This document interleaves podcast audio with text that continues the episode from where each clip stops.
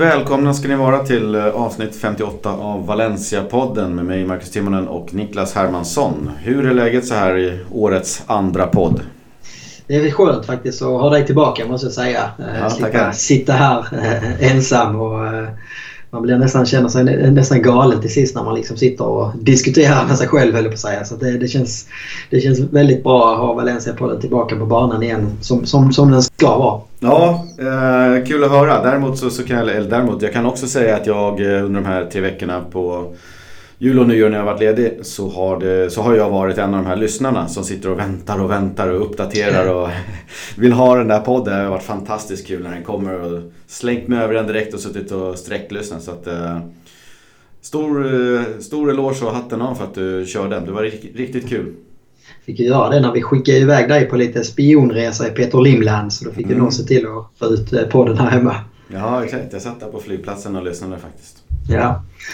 Så var det. Vi kan väl eh, som sagt eh, dra igång här. Vi har lite nyheter, Transfernytt. Vi har haft en liten, eh, eller stor ska vi säga, presskonferens idag torsdag.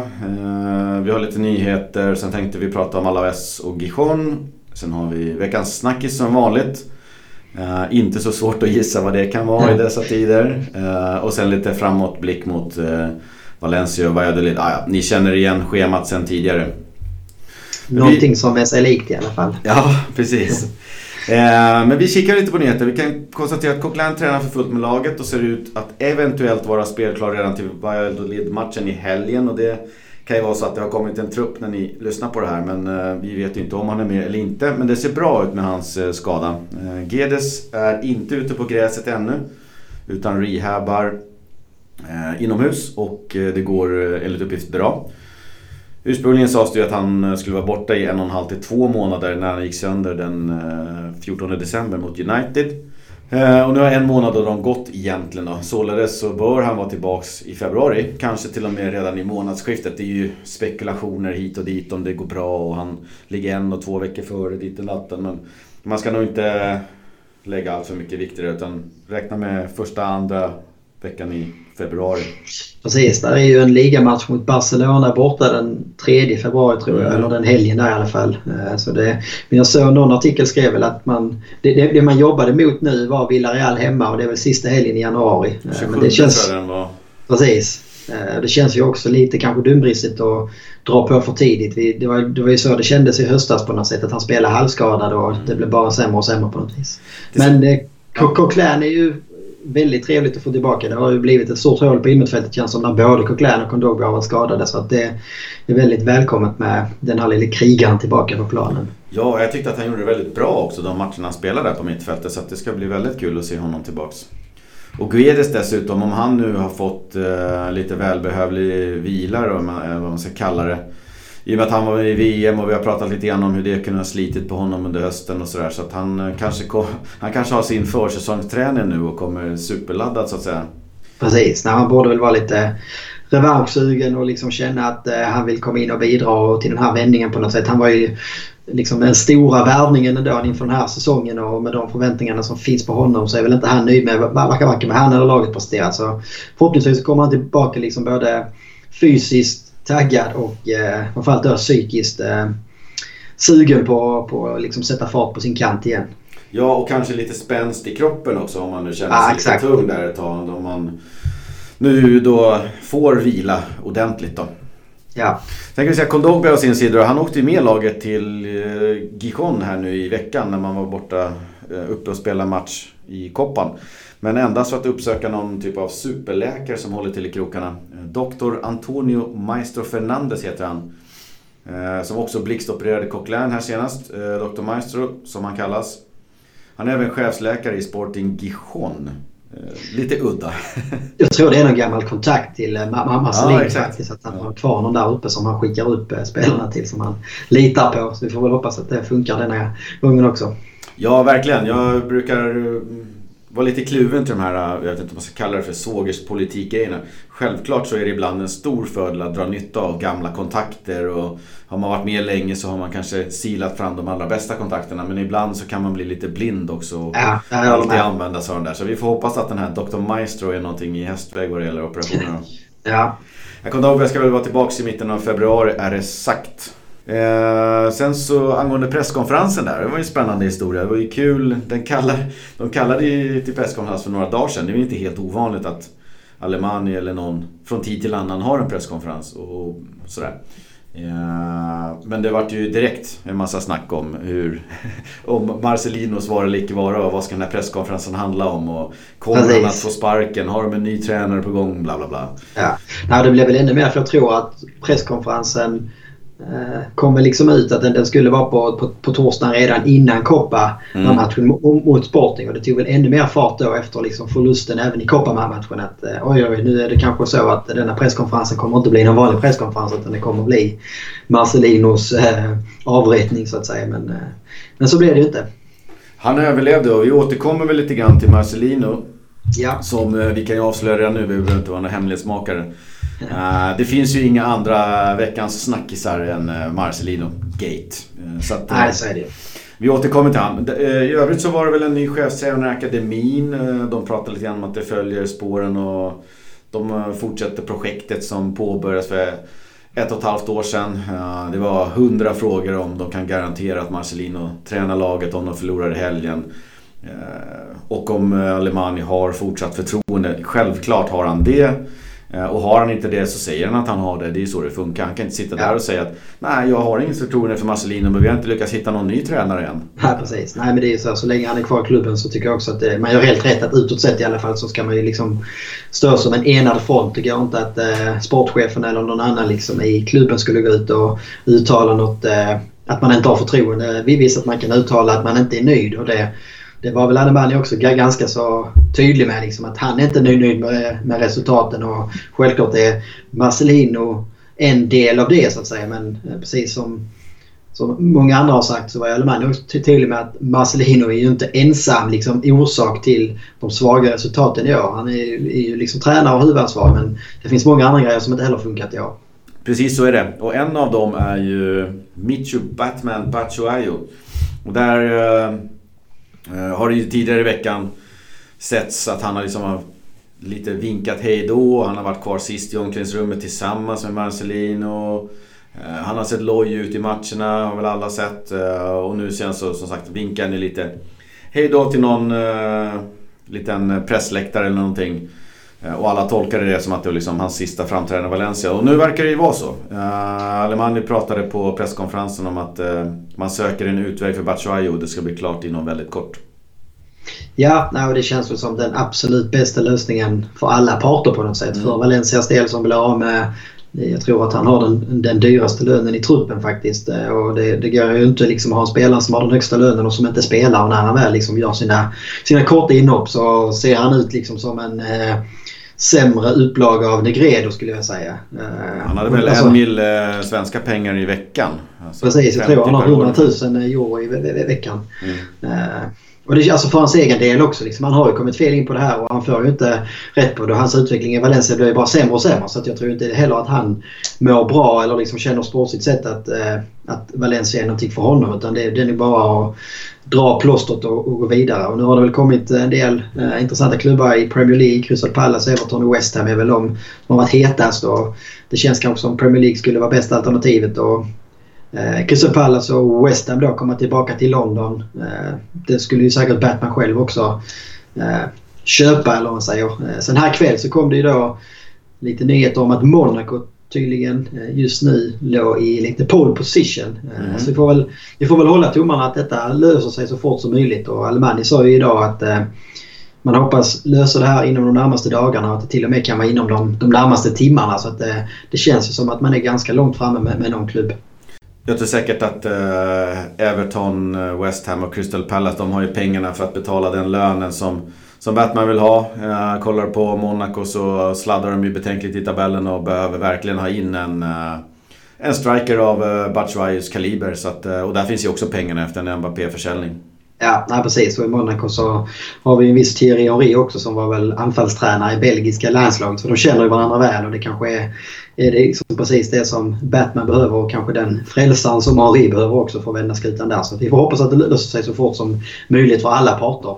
Ja, det har kanske till och med löst sig när ni, när ni hör detta. Ja precis, jag hoppas det att Valencia är av med eh, en miljon kronor i veckan lönekuvertet Batshuayi. Ja, precis.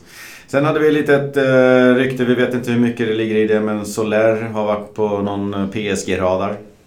Ja, jag vet inte om det är så mycket att orda om egentligen. Det är väl den här tiden på året där det också är mycket bass så att säga och jag tror inte det ligger någonting superkonkret bakom det att någonting kommer hända här nu i vinter och kanske inte ens i sommaren utan det är väl bara naturligt kanske att storklubbar har koll på talanger i den åldern.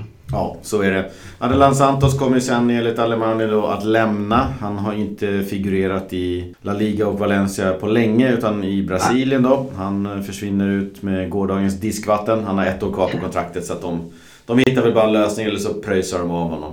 Ja. Sen hade vi ju en ytterback från Mineiro. Eh, Emerson sägs vara ett objektiv man kikar på just nu och det kommer ju flera eh, rapporter från Sydamerika då, då eh, kring spelare som man tittar på. Och en av anledningarna är att det pågår två viktiga turneringar där borta just nu i januari och februari. Eh, bland annat så är det sydamerikanska U20 i eh, U20-mästerskapen i Chile.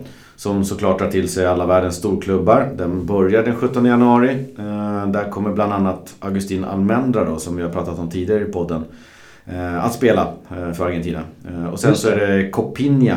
Heter en stor juniorturnering i Sao Paulo som pågår mellan, eller det sedan den 2 januari. Och där är det något yngre förmågor än i U20-mästerskapen. Jag kan tänka mig att det kanske är någon variant av sydamerikansk eh, Gothia Cup eller någonting.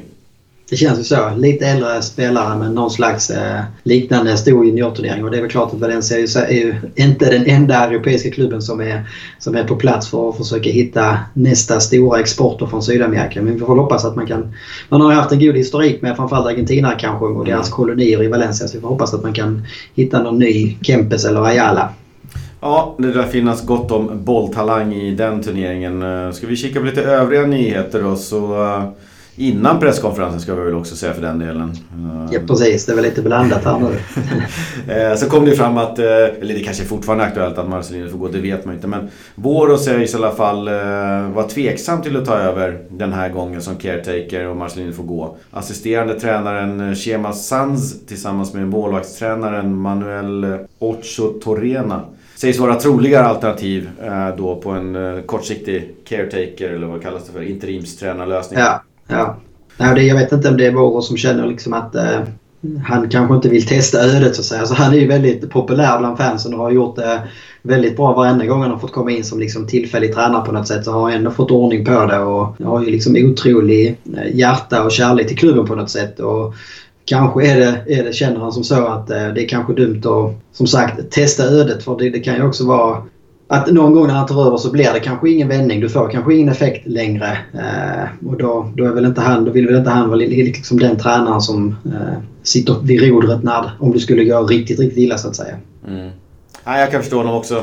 Hatten av för alla gånger han har ställt upp och, och liksom är otroligt uh, fin man vad det verkar. Uh, och ja. enligt Alimani så har man inte haft kontakt med någon ny tränare. Såklart man säger det. Det är ju, går ja. inte att säga att man har haft kontakt nej, med tränare. Nej, men uh, känslan är att Mendes och Lim och Alemani och lite andra, det, det kokar under några kastruller på den här spisen.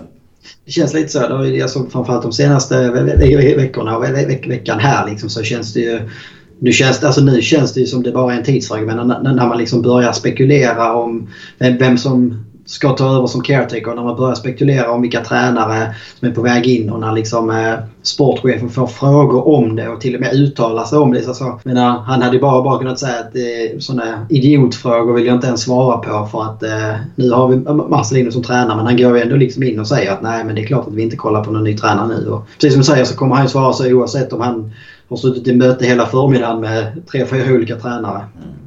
Och dessutom så, alltså, i alla de här lägena, nu går Valencia knackigt. Självklart så ska de ha kontakt med andra tränare. Självklart Exakt. så ska ja, de sondera ja, terrängen. Förlorar ja. Marcelino tre raka matcher nu och eh, Rodrigo går ut och säger att han har tappat truppen. Ja, då kan du inte börja leta tränare om två veckor eller tre Nej. veckor. Ja, nej, och även fast Marcelino ska fortsätta, då aktiverar du ju bara inte de här spåren. Utan då, kontakten var tagen, vi pratade med varandra, du var redo, det blev ingenting. Ja, så, nej, så att, det är självklart full, eller fullständigt självklart att de har kontakt med andra tränare. Precis, nej men det är väl liksom man har en shortlist på 4-5 namn kanske och sen stämmer man av läget med dem och då kanske man redan där kan stryka två, tre av namnen och då vet man att om det skulle bli skarpt läge så är det, är det två, tre av de andra namnen så att säga som är aktuella och som också skulle vara intresserade att gå vidare med. Mm. Hade du något mer? Ja, vi hade väl lite, bara kort, eh, lite namn som har nämnts. Eh, för det känns ju som oavsett om Marcelino får gå idag, imorgon eller eh, om en vecka så känns det väl kanske mindre sannolikt att han i alla fall kommer att vara kvar som tränare kommande säsong. Eh, och det känns som de flesta liksom, som man läser både journalister och supportrar och sådär är väl ganska överens om att jag skulle Marcelino få kicken nu så är det nog bättre att ta in då en Voro eller någon av de här assisterande tränaren resten av säsongen. Mm. För att det finns ju inte särskilt många tränare lediga, lediga liksom så här mitt i en säsong. Eh, och man har också regler i Spanien som säger att har du tränat en ligaklubb så får du inte träna en annan under samma säsong. Mm. Eh, så då spekulerar man ju mer kanske då vilka tränare som kunde vara aktuella och komma in i sommar och då liksom komma in på lite längre sikt, ett längre projekt på något sätt. Och en av de som har nämnts väldigt högljutt är väl eh, Jardim som har gjort det bra i Sporting eh, och Olympiakos tidigare och nu senast gjort det väldigt bra i Monaco eh, förutom då sista hösten. Men han försvann ju till Kina här ganska nyligen och är väl där och cashar in nu. Så att det, det är väl om han känner att han cashar in här under våren och sen är sugen på att ta något i Europa igen till, till sommaren. Rafa Benitez har ju också seglat upp. Jag vet inte, det är klart prestationen är överflödig av honom men det är kanske lite önsketänkande också. Eh, men kanske är Rafa lite börjar bli trött på ägarna i Newcastle som liksom aldrig skjuter till och ger honom förutsättningar att göra någonting och att han vill hem. Och jag läste också här nu i dagarna att eh, man inte har kommit eh, till bordet så att säga med en kontraktsförlängning för honom. Så att eh, kanske kan det ligga någonting i en återkomst med Benitez. Eh, men det allra hetaste har väl egentligen varit eh, Bordalas som gör det väldigt, väldigt bra i Getafe och liksom har har fått väldigt fin ordning på den klubben. Eh, sen är det ju frågan liksom, alltså Valencia har ju inte varit superlyckade de senaste åren när man har försökt ta eh, någon inhemsk tränare och eh, ta då, som inte har kanske haft en storklubb innan så att säga. Att, att få fart på ett Valencia och kanske då också ett Valencia som efter den här säsongen skulle vara lite i gungning om man säger så. Då, det krävs det liksom en tränare som han kan hantera det också. Ja, kollar man på den här namnen så jag vet inte, man kanske är lite nostalgisk och sådär men Benitez känns ju som någon eh, önskedröm kan jag tänka. Eh, han har ju varit liksom, han har ju fått ganska pissiga uppdrag känns det som på slutet med det var inte många år sedan han var utbuad uh, interimstränare i Chelsea. Uh, ja. Och gjorde det skitbra. Har ju tagit flera andra klubbar och gjort det jättebra. Men han får ju aldrig några riktigt... Vad han Newcastle nu va? Där är det liksom... Precis. Vad får han för förutsättningar i den klubben? Det är ju han uh, Sports Direct-ägaren ska ju kliva ur och, och vill bara mjölka klubben på pengar. Och det, jag tror inte att han, han har inga bra förutsättningar för att göra någon liksom, jättebra insats. Jag tycker att han gör det hur bra som helst. Men ja, äh, att komma till Valencia med den äh, ryktet och, och den renommén han har i, i klubben så tror jag att ja, det skulle vara fantastiskt. Precis, Nej, men det enda som ligger i vågskålen på andra sidan för honom kan jag tänka mig det är väl att om han är rädd för att komma och förstöra liksom sin, eh, sin historik mm. på något sätt. För så som det är nu så är han ju liksom en, en frälsare och, och liksom, jag skulle vilja säga att han är kanske den mest eh, framgångsrika tränaren någonsin i Valencias historia. Och det är klart, eh, det han gjorde när han var sist, det kommer bli svårt att överträffa. Liksom, både vinna ligan och vinna Uefa-cupen och på sättet som han gör det. Så det är väl kanske det som jag kan tänka mig eh, han liksom lägger i den andra vågskålen då. Att, eh, han, han, han känner kanske att han har mer att förlora än att vinna på det på något sätt. Men som du säger så skulle han ju få komma till ett Valencia som liksom förhoppningsvis fortfarande har en ägare som vill satsa och som vill bli liksom ett lag att räkna med i Europa igen och vill liksom kunna vara med och kriga om eh, även om en ligatitel på lite längre sikt de åren. Eh, det är det som pratat om innan. Alltså för Valencia och Sevilla kanske så finns det kanske en chans att kunna vara med och kriga om ligatiteln sådär var tredje, fjärde år när de stora klubbarna kanske har knackiga säsonger på något sätt. Att kunna vara med varje år och kriga om det då krävs det liksom att alla stjärnorna står rätt på himlen och man får liksom väldigt, väldigt bra eh, rull på värvningarna några säsonger som, som man har fått i Atletico till exempel med Simeone där man då gått ifrån att vara ett Valencia-typ eh, kriga om fjärdeplatsen till att nu liksom år efter år vara med och faktiskt kunna kriga om eh, ligasegrarna och Champions League-titlar också för den delen varje säsong. Ja, så är det. Så vi får se. Vi håller väl lite öga på det där också. Ja, absolut. Jorge Mendes sonderar terrängen åt Peter Lim, det är jag helt övertygad om. ja, nej det är väl tyvärr, tyvärr så. Så är det. Eh, ska vi ta och jingla på där lite grann så börjar vi kika på två stycken eh, debacle mot eh, Gijon och Alves. gör vi. Ja. Jo, men vi hade ju Alaves eh, borta på Mendisoros, Mendisorota hette det va? Uh, Just det. Lite, lite knivig match ändå med Alaves som går hyfsat i ligan och sådär men uh, det ska inte vara omöjligt. Då. Marcelino överraskade ju med någon uh, 3-5-2 uppställning. var det desperat eller något positivt? Vad, vad tar du mer av den här Matchen som eh, Parejo, fin frispark, tar ledning med 1-0. Eh, otroligt fina jubelscener efter det. Men, men liksom, luften går ju ur någonstans. Vetet kanske. Ja, nej, men det är väl alltså till att börja med. Alltså, alltså det här 3-5-2, det visst att det, det går att se liksom att man försöker eh, skrapa fram det bästa man kan. Man har ett ganska tufft skadeläge. Man möter ett Alaves som faktiskt nu ligger på fjärde plats för Real Madrid. Eh, så det, det, är klart att det är, det är en ganska tuff bortamatch kanske. Men Samtidigt så hade man ju hoppats att Valencias sena seger mot Huesca och lite uppehåll och eh, ladda batterierna och hitta revanschen skulle liksom bli någon positiv effekt av det. Men jag vet inte, jag tycker inte man, man ser mycket av det om vi kollar över 90 minuter. Det kändes som det var lite som vanligt att Valencia börjar bra, man kontrollerar, man skapar läge.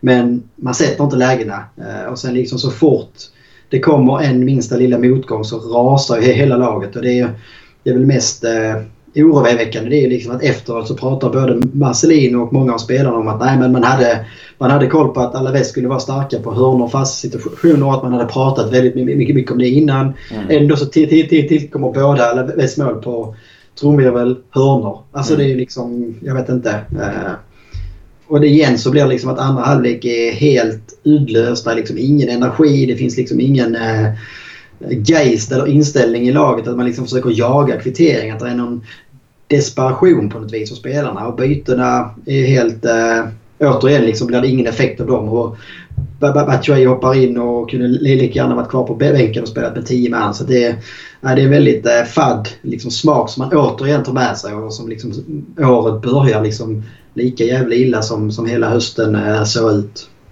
Verkligen. Uh, ingen rolig historia. Och det, det som jag Uh, tyckte med, så Valencia är lite såhär Dr Jekyll och Mr Hyde. Man får se båda delar av Valencia nästan i varje match. Det är ju alltid en, en 10 minuters period eller 20 minuters period där man uh, visar upp ett fint spel och man, man håller i taktpinnen och metodiskt maler ner motståndet. Och i det här fallet så gjorde man 1-0.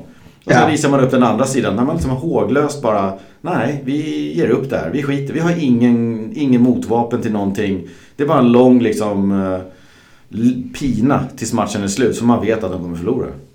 Ja men det känns som det är så många spelare som liksom precis som du säger bara vill att domaren ska blåsa av på något sätt. Alltså, att man inte man bryr inte sig vilket jag är oerhört förvånad över. För mm. det, jag tog med mig efter Huesca-segern framförallt alltså Eh, och som jag också nämnde i senaste podden, det var ju liksom de här scenerna efteråt. För mig visade det ju att oavsett att det liksom var mot jumbon på hemmaplan i sista sekunden. Så visade ändå liksom den glädjen som kom så spontant att spelarna faktiskt brydde sig. Att den här segern liksom och poängen, det betydde något. Att man liksom, det, eftersom det kommer så spontant liksom så. Men nu känns det liksom helt bortblåst. Det känns liksom som den segern nej, det, det, det gav liksom inget självförtroende och liksom fick ingen energi med sig på den på något sätt. Och det är ingen som liksom, man spelar inte för varandra, man spelar inte för Barcelino, man, man spelar inte för klubben utan alla liksom springer runt och hoppas bara att, liksom, eh, att, att det ska ta slut eh, så fort som möjligt på något vis.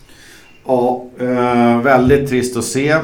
Pinsamt faktiskt och smärtsamt. Vi kikar vi vidare på Sporting Gijon. Vi ska inte fastna i de här matcherna alltför länge. Men eh, Sporting Gijon var ju då i Koppans eh, första match. Eh, och då ska vi väl säga att eh, Valencia förlorade den med 2-1. Eh, jag tror att Gamero blev antecknad för målet. Parejo sköt den i ribban och Gamero nickade i returen. Och så var det en liten VAR där som... det var ju bra, den stämde. ja, nej, det, det var lite... offside och det var det inte. Nej. Och sen Nej, så det... Eh, ska vi väl säga att eh, det är klart Valencia förlorar i den matchen och det är trist mot ett B-lag liksom sådär. Men eh, det är en match kvar där. Avancemang kan man fortfarande göra så vi ska inte lägga jättemycket vid. Det är som du brukar säga, så man kan inte måla fan på väggen när man förlorar match 1 av 2. Man har ju fortfarande hemmamatchen kvar, men det såg inte bra ut. Nej, nej jag håller med. Alltså det, det står jag väl fast vid. Det gjorde ju då efter, vilka var det vi hade förra omgången? Det var ju ett ännu sämre lag, jag har redan glömt vad de hette. Men det är ju lite så med, Just det, Ebro. Ja, men det är ju lite så med kopparna, Alltså, framförallt i de här tidiga omgångarna. Alltså, jag skiter egentligen hur det ser ut i cup. Alltså i cup de matcherna tycker jag att det kan få se ut hur fan som helst så länge man liksom tar sig vidare. Det man liksom kanske tar med sig från den här omgången eller den här eh, förlusten. Det var väl snarare liksom att vi möter då ett lag som ligger i mitten av sekunden. Det är Sporting Gijon som går ut och liksom vilar 11 spelare från sin senaste ligamatch. medan Marcelino kommer med ett starkt lag. Alltså det är 6-7 spelare som är ganska så liksom regelbundna startspelare. Och ändå så liksom åker man härifrån med en förlust på något sätt. Är, och den här insatsen var kanske, ja, det väl, om inte den sämsta så en av de sämsta insatserna den här eh, säsongen. När man då, precis som vi sa mot Ebro, liksom har chansen att kanske kunna gå ut och spela ut på något sätt. Och, och man möter då ett, eh, på pappret i alla fall, sämre lag. Att man ska kunna få lite mer tid att hitta tillbaka, få lite flyt i anfalls och, och spelet överlag så blir det precis tvärtom. Ja, och, och jag menar om, om spelare som Batshuayu, Gamero, eh, Parejo, Soler, Daniel Vass eh, och släng in en Gaia från landslaget också. Om de spelarna inte kan eh, liksom bärga hem en seger mot ett eh, Gijon som luftar truppen, då, då är det illa. Precis, nej, men det, det är så det känns nu att vi kan inte ens slå Sporting Gijons B-lag. Det är liksom det, det är där vi är nu. Eh, och det är liksom det, det, det är fakta som talar. Det är ju inte bara liksom mina känslor eller jag som är negativ eller någonting. Utan, nej, det, det är liksom så illa det Vi har, vi har vunnit har vi tre, fyra segrar den här säsongen. Och, eh, det är liksom, inte ens Sporting Gijon slår vi nu. Jumbon Huesca slår vi liksom på sista sekunden mål på hemmaplan. Det är liksom, det är, man måste liksom fatta att det är så pass illa i Valencia nu. Skitsamma att man har, det har varit otur, det har varit skador hit och dit. Alltså resultaten talar för sig själv. Vi är liksom nere i skiten. Verkligen. Eh, då jag ska ta, peta ut en sista grej från den matchen eh, innan vi liksom drämmer igen den här dörren. Och det är första baklängesmålet som är en fullständig katastrof. Eh, det är vår högerkant där det rullas upp Veso. Jag vet inte, bollen spelas ut dit. Veso har bra koll på sin spelare. Han går bort sig totalt. Hamnar på efterkälken, missar en glidtackling så att den spelaren kommer så semi-ren då och ska lägga ett inlägg. Centralt där har Diakby klockren bevakning på sin Gijon-anfallare som störtar mot mål och i samma sekund då som spelaren i Gijon väljer att slå inlägget då. Då kliver Diakby upp in i en, liksom, en, en, en yta där det inte finns en enda människa. Ja. chans, chans kliver upp. Jag vet inte vad han gör. Nej. Han har koll på den här killen. Kliver upp. Självklart så lägger då eh, killen med inlägget eh, ett rakt inlägg då. Som den här eh, Gijon-anfallaren bara rakar in rakt i öppet mål. Och i min bok det, ett, det, här är ett så kolossalt misstag, så fundamentalt att det, det, måste rendera i fem matcher uppe på läktaren för DXP. Man får inte göra så här. Och har, och har du liksom inte sett det här målet så tycker jag att ni går in på YouTube, skriver Valencia, mellanslag Gijon, klickar på översta videon och, och, och liksom Se till att inte ha någon lösöre runt omkring bara, det kan jag säga. För alltså det, oh, det, det, får inte gå till på det här sättet.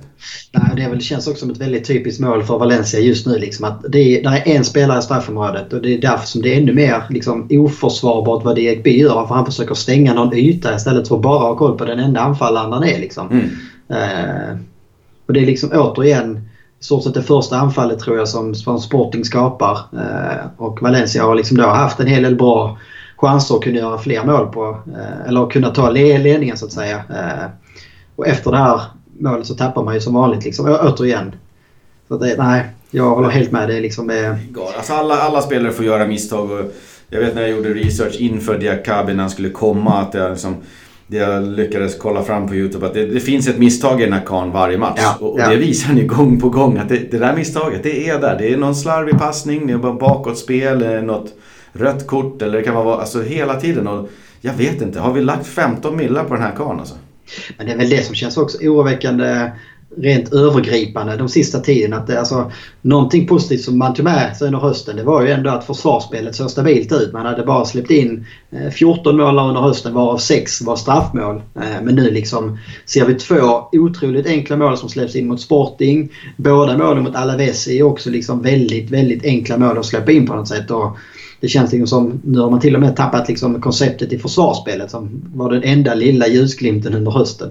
Och där har ju Marcelino då, vi ska glida in på han snart, men han har ju visat flera gånger att uh, när det har sett illa ut så har ju han gått in och styrt upp försvaret. Han har talat ja, om för dem vad som gäller. Så här agerar vi, så här gör vi. Och då har det funkat i La Liga mot liksom tunga lag, uh, Atletico, Real och Barca och liksom allting att det liksom så här långt in på säsongen ser ut på det här sättet att Diakabi går och gör en sån här grej.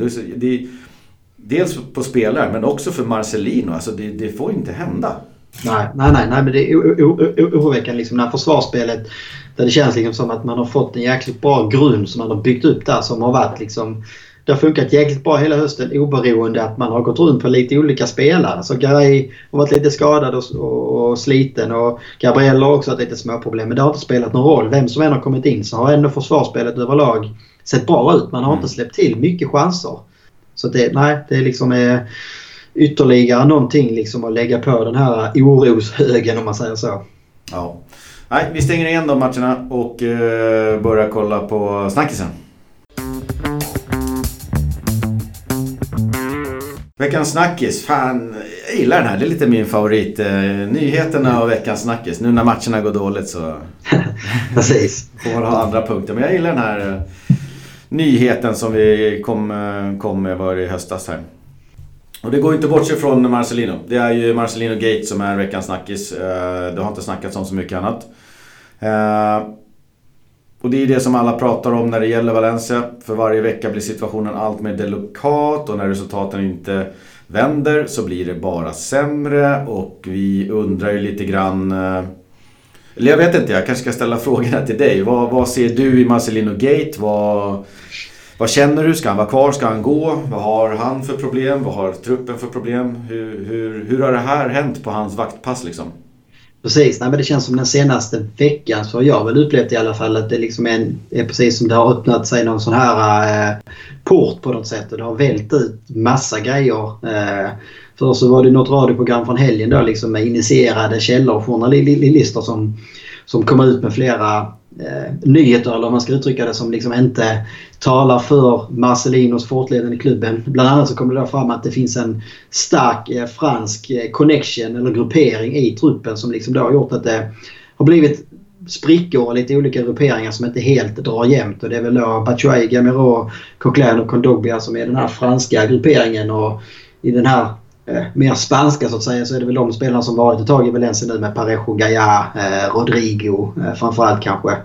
Där man liksom inte helt och hållet drar, drar jämnt. Och det, det är väl liksom inget bra tecken när resultaten går tungt och man liksom eh, får liksom slitningar i truppen. Eh, sen kom det väl också fram att det var många av de, framförallt de ledande spelarna så att säga, som, som var besvikna och irriterade på att eh, Marcelino i år inte varit lika strikt med sina regler. Eh, det kom ju fram tydligt i fjol liksom att Marcelino hade en ganska så tuff regelbok. Eh, framförallt så var det ju med vikten där spelarna i stort sett skulle vägas in varenda träning och man, man, man fick böter och straff om man inte höll sin målvikt. Eh, och det har han då liksom gått ifrån i år. Och ryktesvis så sägs det att Batman har, gått, har legat eh, fyra kilo över sin målvikt de senaste månaderna utan några åtgärder alls från Marcelino. Nej, uh, det är inte okej. Okay. Uh, jag vet inte, jag har inget ingen detaljkoll på vilka, vilka parametrar han i så fall släppt på Marcelino. Det var ju nästan så att det var liksom diktatoriskt förra året och, och ja. alla köpte där och alla sa att det, det, alltså det är så strikt med den här dieten. Så att man liksom, eh, Parejo var ute och veva och, och alla liksom. Uh, har man nu eh, tappat Batshuayi med fyra pannor så det är bra att han försvinner från klubben. Uh, men då måste det ha skurit sig rejält med den här uh, Fernando Ismail och Marcelino gentemot Batshuayi då om man skiter i allt sådär? Ja, och man börjar ju också fråga liksom hur det är med de andra. Alltså, för det var ju också mycket snack i fjol om liksom, eh, typ tuffa fysiska träningen, att spelarna skulle vara förberedda och man skulle vara, liksom, bra tränare och sådär. Nu har vi dels sett i många matcher att laget blivit betydligt sämre i andra halvlek. Har det någonting att göra med liksom, fysiken? Att man inte är, är lika bra uppbyggda eller förberedda i år? Eh, det känns också som att betydligt fler skador i höst? Är det bara liksom ren tillfällighet eller har det också med att göra att man inte eh, på samma vis har, har tränat lika hårt eller eh, jag vet inte. Eh, så det, det känns liksom som att det är många grejer som, som stämmer väl och som man liksom kan eh, se hänger ihop med det här ryktet då. Om han inte, att han inte är lika tuff i de här reglerna i år. Eh, sen så var det väl vidare också att det kom fram att eh, det är, det är många inom klubben som har börjat tröttna nu på Marcelino. Bland annat då Mariton och Anil Murti eh, ryktades att de ville ha bort Marcelino redan i mm. början av december efter ett par dåliga resultat där. Men att det var Alemani och Longoria som liksom övertalade dem att eh, ge honom mer tid. Eh, och Alemanis tålamod, även om han idag liksom gick ut eh, externt och uttalade sitt stöd såklart, vilket han också ska göra. Så sägs det väl att det han framförallt irriterat sig på här det var väl att Marcelino ska ha kommit till honom här under uppehållet mellan jul och nyår och sagt att det är fyra spelare från truppen som han vill ha bort och då i nya spelare här i vinterfönstret. Eh, och eh, en del av de här spelarna kom så sent som i somras där då man gav Marcelino väldigt mycket eh, makt och liksom frihet att välja sina spelare.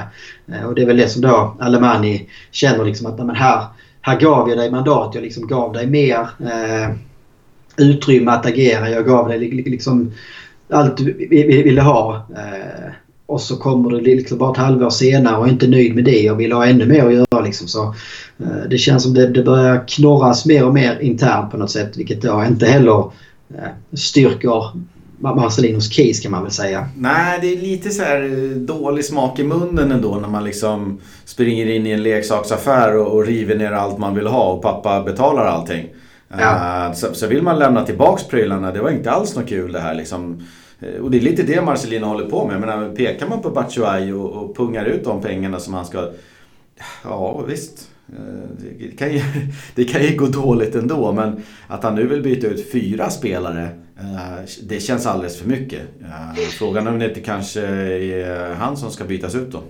Precis, nej, men det blir ju lite, alltså nu har ju Valencia valt ju den här vägen i eh, somras, eller egentligen förra sommaren kanske när Marcelino kom. Att det var väl ett av hans krav att eh, att han ville liksom ha stenkoll och ha ansvar över allting mer än bara vara liksom en vanlig tränare som kanske har varit det vanliga i Valencias fall de senaste säsongerna. Att man har haft en tränare och så har de haft en sportchef som liksom då är den som har byggt truppen på något sätt. Sen är det såklart att de också har haft sitt att säga till om vilken typ av spelare man vill ha. Men Marcelino blir ju mer den här klassiska managern på något sätt. Mm. Och fick också liksom den titeln eller det mandatet på något sätt. Och då blir det ju också, dels så blir det kanske att man, som klubb blir, blir lite för beroende av en person. Eh, och det känns kanske som fotbollen, klubbar i sig, är på väg åt andra hållet på något sätt. Alltså det här, det, alltså, det finns ju liksom få tydliga exempel där det här funkar väldigt bra. Där man alltid brukar ta upp eh, Alex Ferguson i United och mm. eh, Wenger i Arsenal. Liksom de första åren i klubben. Där liksom, där det funkar bra. Och det funkar väl bra liksom för säsongen för Marcelino också. Men problemet blir när det då inte går bra. Då är man väldigt beroende av en person. Och för, just för Marcelino också så blir det ju... Han har ingen att skylla på. Han har liksom ingen sportchef eller ägare att skylla på att han inte fått några medel att jobba med. Och inte att, eller att han inte fått välja sitt eget tränarteam. Utan han har ju verkligen fått precis alla förutsättningar att göra det här bra. Men ändå så lyckas han inte. Mm. Och det blir liksom en, någon, någon slags eh, trampolineffekt på den här kritiken. Alltså det är där, därför jag tror att eh, att kritiken blir liksom så pass hård som den blir nu. Eh, men där man då samtidigt också skulle kunna säga att Marcelino har ju faktiskt, tycker jag, fått väldigt mycket mer tid och tålamod eh, om man jämför med vilka resultat som han har gjort det senaste, egentligen senaste året. Ja, verkligen. Det finns ju många tränare som har fått eh, sparken i Valencia som började betydligt tidigare än så här. Eh, jag kollade på eh, Nunos statistik. Han kom ju... Det var, har ju varit, eh, blivit mer och mer intressant att jämföra de här två. För förra säsongen, Barcelinos första, så blev det ju succé direkt. Man gick ju mot poängrekordet men man slog aldrig poängrekord. Nunos första säsong så slog man ju poängrekord och tog sig ut i Champions League. Men redan under hösten då efter denna succésäsongen så fick ju Nuno sparken. Eh, då hade man 19 poäng efter 13 omgångar vilket då var betydligt bättre än vad Marcelino hade i år så att säga. Eh, Marcelinos statistik är inte särskilt eh, positiv den heller. Nu ligger hans vinstprocent i Valencia på 46 procent Kollar man historiskt sett vad han har haft i andra klubbar så har han aldrig haft högre än 49% som han hade en, en säsong i Villarreal. Så man kan liksom också krasst konstatera att det här är, liksom, det här är normalläge för, för honom. Det här är inte bättre eller sämre utan det är så här han är. Eh, mm. Och fjol, fjolårshösten då så att säga var snarare liksom ett undantag eller en överprestation på något vis. Så är det och, och ja, alltså alla siffror går ju att motbevisa med andra siffror men, men liksom faktumet kvarstår att det verkar ju mer och mer vara ett eh, normalläge för eh, Marcelino kanske och Valencia kanske. Jag tror att jag kanske hade en lite längre sträcka upp till den här topp 4-lagen än vad vi trodde att det var eh, med en överprestation förra året. Men om man kikar på en, para, en parameter som jag funderat lite grann på. Det är att oftast när en tränare är på väg bort Eh, resultaten går emot en tränare på väg bort. Så brukar man liksom märka i truppen att nej men nu är det en öppen fight med den här tränaren. Kolla på Mourinho och Pogba till exempel. Eller att det liksom... Eh, ja, man märker på truppen att nu har tränaren tappat truppen och kämpar inte längre. Så känns det inte som det har varit. Alla har unisont stått bakom Marcelino. Vilket ju Alemani sa idag på träningen också, att går du ner på träningsanläggningen där han är varje dag så det är sån oerhört inställning från varenda spelare och varenda ledare för att vända den här trenden. Så det finns liksom ingenting att skylla på där. Vad, vad har du läst dig till och vad, vad, vad tycker du du ser huruvida Marcelino har kvar spelartruppen eller har han tappat delar av den eller hela? Jag tycker att den senaste tiden så, så har det har, det känts som att han har börjat tappa spelarna också. I, alltså, det är nästan ännu värre om det som Alemani säger att går man ner på en träning så är alla supertaggade och det liksom, man ser att alla brinner och krigar för det. För att inget av det ser man ju på matcherna över 90 minuter i alla fall. Jag tycker att det, det, det är mer och mer att man ser på planen att spelarna liksom tappar eh, konceptet väldigt snabbt och enkelt vilket brukar vara liksom ett tecken på att Eh, det inte finns någon, någon, någon, stark tro på vilken gameplan eller taktik eller vad man ska säga så som, som laget har.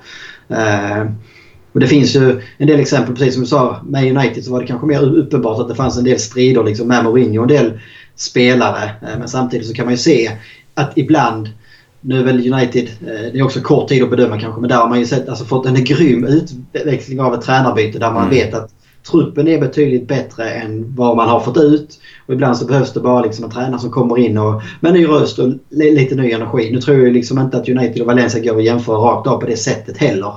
Uh, Nej men man får ju ta jämförelsen som sådan. Man jämför inte ja. klubbarnas storlek eller spelarnas Nej. kvalitet. Men jämförelsen sådan tycker jag håller väldigt väl. Ja. Nej, och just det du var inne på där så håller jag med, med, med, med det där om att Eh, alltså vi, vi, kan säga att det här är Marcelinos normalläge och precis som du, du, du var inne på så kanske vi också var lite väl naiva för, för hösten. Det kanske inte bara var Marcelino så att säga som hade ett undantag eller gjorde en överprestation där utan det känns ju som många av spelarna överpresterar samtidigt och Valencia liksom som lag då fick liksom en överprestation på något sätt och kanske blev då alla vi, vi supportrar lite väl naiva på något sätt. Man ville liksom se att vändningen kom där direkt och man liksom Eh, Eh, man ville inte se att det fanns några, några, några sprickor eller att det gick lite för fort och det kanske då skulle komma en, en, eh, en reaktion på något sätt. Utan doften av framgång gör gärna att liksom man, man ignorerar den andra stanken eller att eh, ja, att efter så många års ökenvandring så kanske det inte är helt rimligt heller att det bara ska vända på en femöring på något sätt. Utan det är kanske ett steg fram och två tillbaka som gäller ett tag här. Och, då, då, då får man väl också liksom se till att och ha en, en, en, en, tränare men också kanske då en tydlig strategi som på något sätt eh, kan acceptera att läget är så här. Att det, det går kanske inte att gå liksom från de tuffa åren där Valencia väl snittar en tionde, tolfte plats på något sätt till att tro att man ska vara topp 4-lag eh, över en natt. Eh, sen så tycker jag ändå inte att det liksom är någon ursäkt för den här säsongen. Mm. För att det, det är liksom, man är alldeles för långt efter. Man borde alltså, hade man legat kanske sexa i år. Eh, man hade kanske varit med länge och krigat om en topp 3-4 placering men det räckte inte hela vägen. Men man var nära i alla fall. Så tror jag betydligt fler hade kunnat eh, köpa det att det blev ett steg tillbaka i år. Men, det, men det, det, det, får inte vara de här stora stegen. Det här är ju liksom tillbaka till 2015-16 igen där det ena året är en fjärdeplats, sen är det en tolfteplats, sen är det en fjärdeplats, sen är det en tolfteplats. Alltså du måste hitta någon, någon slags stabilitet i det på något vis. Så är det och om vi liksom ska komma till någon eh, sluttamp på hela den här Marcelino Gate så kan vi då börja med att svara på min egen fråga tänkte jag säga. Eh, ska han vara kvar eller ska han gå? Jag tycker eh, att eh, man bör ta ett beslut i Valencia nu. Eh, om man väljer att eh, låta Marcelino gå, eh, vilket ju inte är helt omöjligt, så, så, tror jag inte att en caretaker eller en interimstränare i form av den här eh, han som vi pratade om tidigare. Uh, Chema Sans. Jag tror inte att Chema Sans till, tillsammans med målvaktstränaren där. Jag tror inte de tar Valencia till något Champions League. Uh, jag tror inte Voro tar Valencia till något Champions League. Uh, jag tror att de kommer kunna stoppa blödningar och vara med och nafsa på lite Europa League-platser och sådär.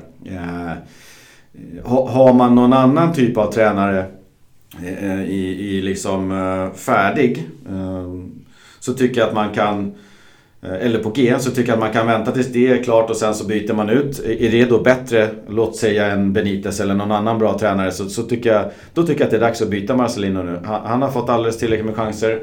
Eh, det har bara blivit sämre och sämre och sämre eh, och så. Men har man däremot ingen bra tränare så tycker jag lika gärna att man kan låta Marcelino fortsätta några veckor till, kanske någon månad till medan man i lugn och ro sonderar terrängen. Ser det då ut liksom som att han åtminstone klarar en Europa League-plats eller någonting så, så, får man byta i sommar. Då är marknaden mycket större för tränare. Nu kan ni bara egentligen välja arbetslösa och sparkade tränare. Så ja, jag vet inte.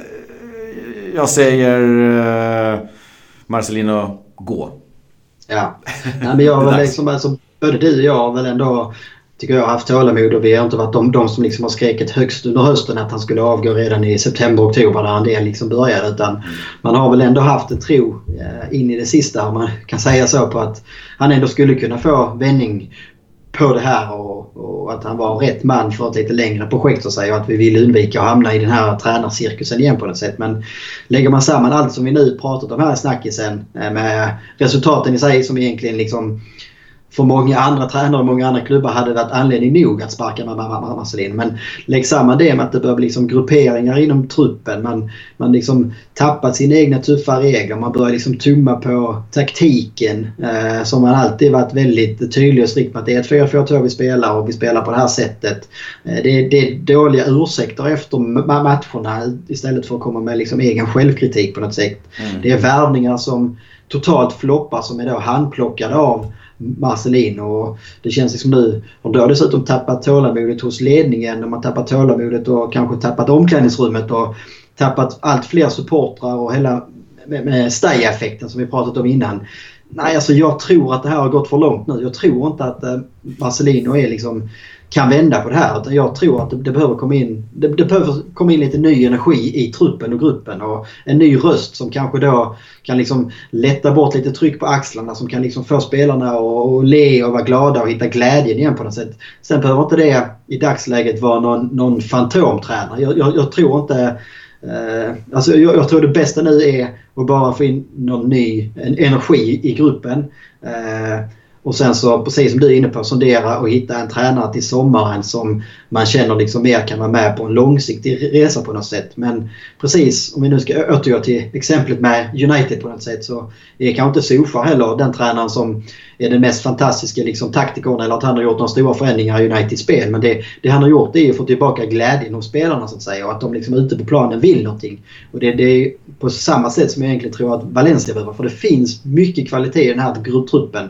Eh, och nu behöver man liksom bara själva hitta tillbaka till, till sig själva e-, e-, e-, egentligen. Ja, det Solskjaer har gjort egentligen, han har ju bara lyft bort ett jävla ok från spelarnas ja, axlar. Exakt. Och när han liksom ja. släpper spelarna lös på planen, då händer det ju bra grejer. De kommer inte vinna mot Liverpool och de kommer inte vinna mot City. Alltså den taktiken är han inte och han har inte haft den tiden med laget. Men att vinna mot ett Newcastle eller Bournemouth, det gör de där storstjärnorna. Och lite så kan jag känna med Valencia också.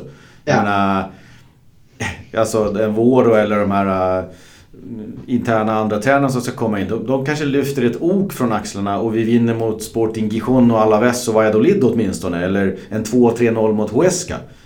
Precis, man gör, man, gör, man, gör, man gör det man ska i alla fall. Mm, exakt. Och jag är precis inne på, jag tror inte heller att det finns liksom någon eh, frälsare som kan komma in här nu i januari, februari och liksom se till att vi, vi går rena hela våren och tar en Champions League-plats. Det tåget har nog tyvärr gått. Men det, det, jag tror det viktigaste är att liksom, det känns som att tjata men alltså hitta energin och glädjen i truppen och göra det man ska under våren i alla fall. För att jag tror att det också handlar nu den här våren om att få tillbaka den här tron och entusiasmen runt omkring hela klubben på något sätt. Eh, som man, som man liksom byggde upp under hösten i fjol efter då flera års ökenvandring på något sätt. Men som nu liksom under hösten igen har gått tillbaka till den här hopplösheten. Jag tror det kommer bli det absolut viktigaste denna våren för hela Peter Lims framtida projekt i Valencia tror jag. Mm. Alltså fortsätter hela våren med bara ne ne negativitet i klubben och runt omkring klubben och allting så nej, då är det liksom eh, då är man tillbaka liksom på botten igen i sommar. Det gäller liksom att hitta någon slags eh, positiv, positivt i den här säsongen trots allt för att kunna bygga vidare på projektet, kunna värva in spelare. Som, jag menar, skulle, skulle, skulle säsongen vara, vara slut nu så skulle ingen spelare våga komma till Valencia. Kanske ingen tränare hade vågat, vågat eller velat komma heller. Eh, så jag tror det, det är det absolut eh, viktigaste under våren för Valencias del här. Och därför tror jag inte att eh, Marcelino är rätt för att liksom få till den vändningen på något sätt. Utan då, där, därför tror jag att gruppen behöver något nytt för att liksom Kände att, alltså, ibland så blir det väldigt, väldigt tydligt också för en grupp när man då byter liksom chef eller tränare. Okej, okay, nu är det nytt kapitel. Eh, och bara liksom en sån eh, psykologisk sak på något sätt kan ju också vara det som får det att vända. Men kör man på i samma mönster, det är samma röst, det är liksom samma typ av träningar, det är samma gameplan. Nej men det blir ju liksom svårare att få till en vändning på något vis. Så är det. Uh, vi hoppas på det allra, allra bästa och det är ju att Valencia börjar vinna matcher nu. Uh, jag får ju lite kalla kårar längs ryggen när Mendes nämns och han ska vara ute och rodda tränare till Valencia och bla bla bla. Han sitter ju bara och placerar sina egna pjäser där det liksom passar honom. Jag med. Alltså, jag, ah, jag gillar inte alls det där. Ja, nej, jag håller helt med. Alltså det, är, alltså det är precis som vi sagt innan också. Alltså, jag hade gärna gärna, gärna önskat att vi inte var i det här läget. Jag hade gärna, gärna önskat att resultaten hade varit lite bättre i alla fall för att kunna backa Marcelino i det här. För att jag har verkligen avskytt de senaste åren när man har bytt tränare varje säsong i stort sett. Mm. Och det har bara blivit liksom sämre och sämre och man har kommit in i den här spiralen. Och som vi sagt innan att Valencia har liksom blivit ett åtlöje på något sätt i fotbollseuropa. Eh, så att jag tycker det är extremt tråkigt att det är så här. Försökt liksom hålla emot så länge som möjligt men nu ser jag tyvärr ingen annan utväg eh, än att man behöver göra denna förändringen. Nej, så är det. Jag, jag noterade två stycken eh, Marcelino out av två, du och jag. Precis, och det är väl första gången denna säsongen som vi... är vi de sista? Precis. vi kan väl eh, fortsätta lite där. Vi, vi, konstaterar att även till och med du och jag till slut föll för trycket eller insåg fakta eller vad man nu vill säga. Ja. Och vill ha en byte på tränarposten och så kikar vi fram mot eh, Måste vinna matchen faktiskt. Vi har kommit fram till en sån nu, helt otroligt. Igen. igen. eh, Valladolid hemma på lördag. 16-15 igen kan man säga i alla fall. Ja, det känns som det har blivit Valencias speltid. Sista matchen innan serien vänder. Uh, ligans två målsnålaste lag med 16 gjorda framåt. Uh, Valencia 12 på 22 poäng och Valladolid 16 på 21 poäng. Uh, oerhört viktigt uh, för att jag vet inte, eh, närma sig toppen eh, och hitta någon typ av självförtroende och få igång något spel. Och det, är samma saker vi säger varje gång, men det är där vi är. Precis, nej men det är ju ändå alltså, som vi också säger varje gång så känns det som det är någon slags rekordjämn tabell på något sätt. Alltså mm. Vi såg ju där att det här sena mötet mot Huesca gjorde att Valencia plötsligt var nio eller vad det var, åtta över julen och nu, nu förlorar man och halkar man ner några placeringar igen.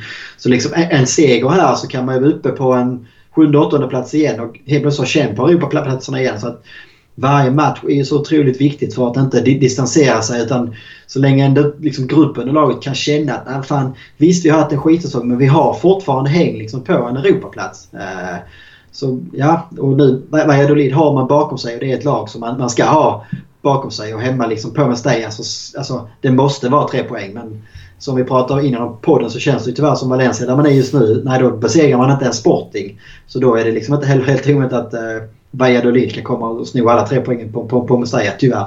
Här tror jag också att det behövs en, en, eh, en ledning uh, i första halvlek. Det kan inte stå 0-0 när klockan tickar upp mot 80.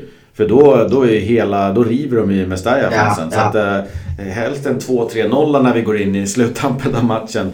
Eh, så att, eh, ja, det, det kommer bli spännande att se hur, hur publiken reagerar. Ja, men det hade varit skönt att se. Alltså, pratar man någon på Twitter om det. Att jag vet inte om Valencia har gjort en enda bra 90 minuter den här eh, säsongen. Det är väl mm. kanske då United hemma som vi bollade upp där. Och det är väl också lite ironiskt på något sätt. För det är väl kanske den enda matchen i höst där Valencia spelat helt utan eh, press på något sätt. Alltså Valencia var redan utslagna av Champions League. Eh, man hade liksom ingenting att spela för mer än sin heder på något sätt. Och då helt plötsligt så kan man... Jag, jag, jag ska inte säga att man spelar ut för det var inte så att man gjorde någon drömmatch. Men det är väl den, den jämnaste 90 minuter mot ett ändå liksom eh, bra motstånd som jag kan liksom minnas på något sätt. så det är det som har varit skönt att se här nu på lördag. Att, att man, man får liksom 1-0. Man får kanske också 2-0 som har liksom varit ibland förtjänta av att få. Eh, man har skapat chanser och kontrollerat spelet men man har inte liksom eh, fått den där lite trygga ledningen på något sätt. det hade varit kul att se hur laget kommer reagera om man liksom kan få gå fram till 2-0 om man då liksom axlarna ramlar ner och man, man liksom får se ett Valencia som spelar ut på något vis. Så är det. Det finns ju lite spelare tillbaks också från matchen mot Alaves. Vi har ju Soler och Gaia efter avstängning. Och så återstår det ju att se om Coquelin då kommer med i truppen och om han då får spela i sådana fall. Eh, Diakabi avstängd. Just det. Lär ju inte bli någonting annat än eh, Rodrigo och Mina framåt och eh, den vanliga Nej, backlinjen väl... och så vidare. Precis, nej men det är väl... Gamero tyckte jag ändå, eh, det man såg honom här i kopparmatchen var väl en av de som ändå försökte i alla fall. Sen så blir det ju alltså, det blir skrikande uppenbart att han inte är den spelaren som han var för något år sedan och att absolut inte värd de pengarna som Valencia betalar för honom. Mm. Uh, men tyvärr så har ju också Santimina drabbats av samma fenomen som alla andra anfallare gjort i truppen efter att då när han kom tillbaka så var han ju otroligt het och gjorde mål på allt och såg liksom väldigt, uh, väldigt het ut på något vis. Men nu är han ju uh, nere i, i, i samma frys, frysfack som, som Rodrigo känns som där han inte gör mål på någonting. Det känns som liksom, han, han kom in så här, han var inte smittad av den här uh, negativiteten eller någonting när han inte spelade. Så han kom in och bara gjorde baljor. Sen så drog ja. resten av truppen ner honom i skiten. Precis, nej men det är ju det är som det är något liksom kollektivt virus som har drabbat och det kommer liksom in spelare ibland som, som inte har hunnit bli eh, smittade än men det, det, det, tar någon match och sen så eh, är de också nere i skiten. Ja. Tyvärr. Så är det. Uh... Ska vi ge oss på en scorecast? Eh, vad har du för, vad har du för tankar? Alltså rent spontant så känns det som... Eh, som e- e- 1-1. Eh, det, men jag ska inte vara... Jag ska inte vara så negativ så jag säger 3-0. Eh, och jag säger att det är Rodrigo som gör första. 3-0 och Rodrigo noteras. Uh, ja, men jag, jag kör ändå 2-1 till Valencia. Jag tror att det är dags att vinna med 2-1 för en gångs skull. Eh, jag hoppas på att Santimina gör det där målet. och Kommer igång med skyttet igen.